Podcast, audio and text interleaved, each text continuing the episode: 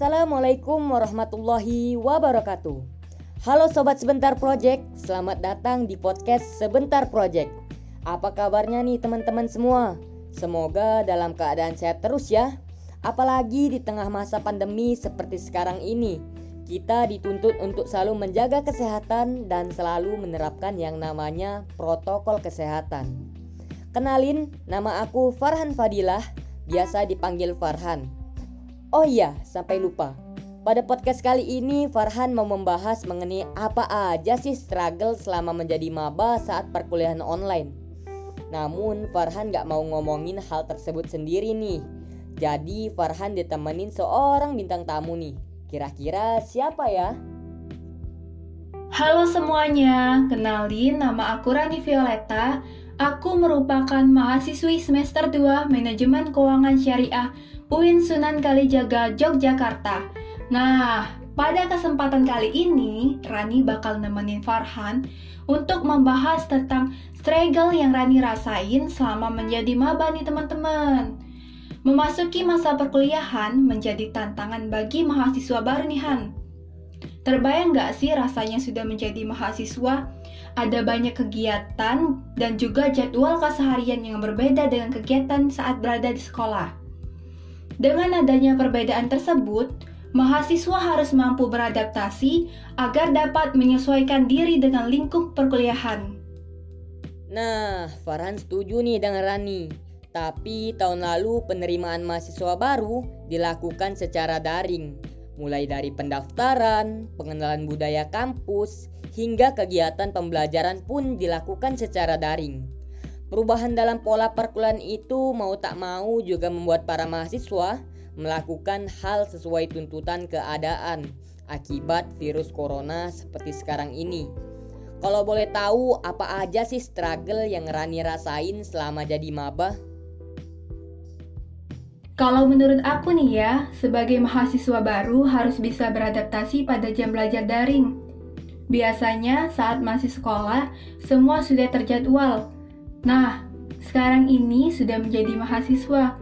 Keadaannya sangat berbeda dan juga kadang-kadang tidak teratur. Jadwal perkuliahan tergantung dosen. Kalau dosen sedang tidak bisa hadir, maka mau tidak mau kita harus mengikuti jadwal beliau.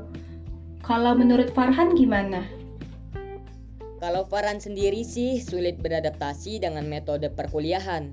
Seperti kita tahu nih Ran, masa perkuliahan tentu berbeda dengan masa sekolah.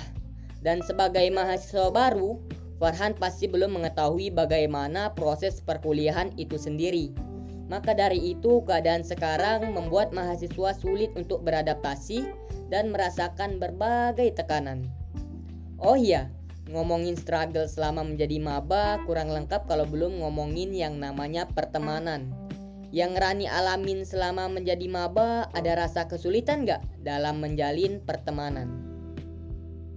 Yang aku rasain sih, dalam pertemanan itu kendalanya nggak bisa kenalan secara langsung. Keluhan yang aku rasain ini juga pasti dirasain oleh mahasiswa lain Han. Yang seharusnya mereka dapat bertemu dan menjalin pertemanan, hal itu tidak terjadi.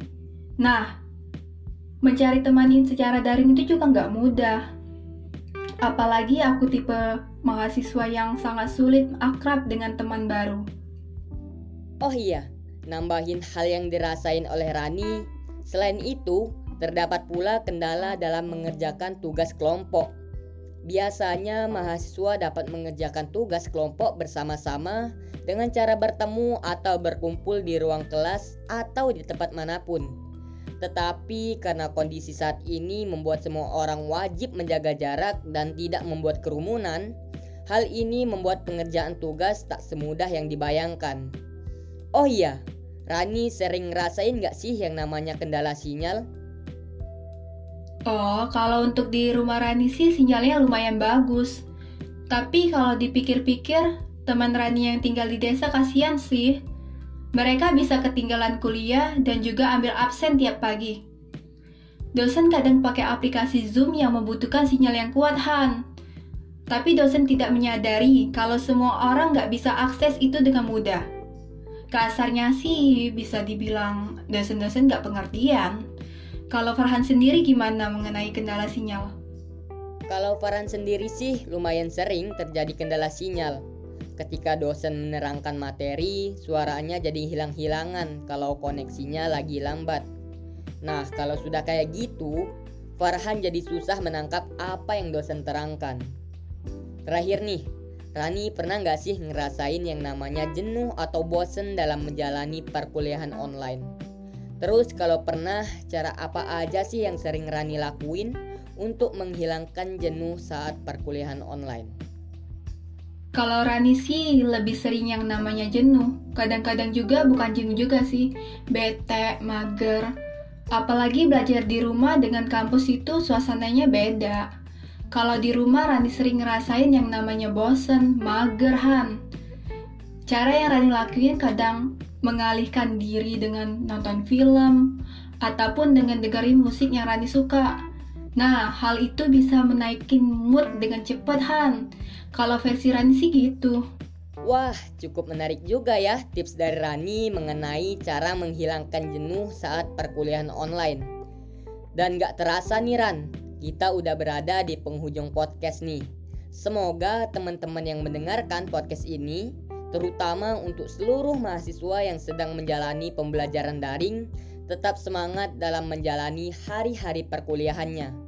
Mungkin segitu dulu podcast kali ini. Sampai ketemu di podcast selanjutnya. Dadah.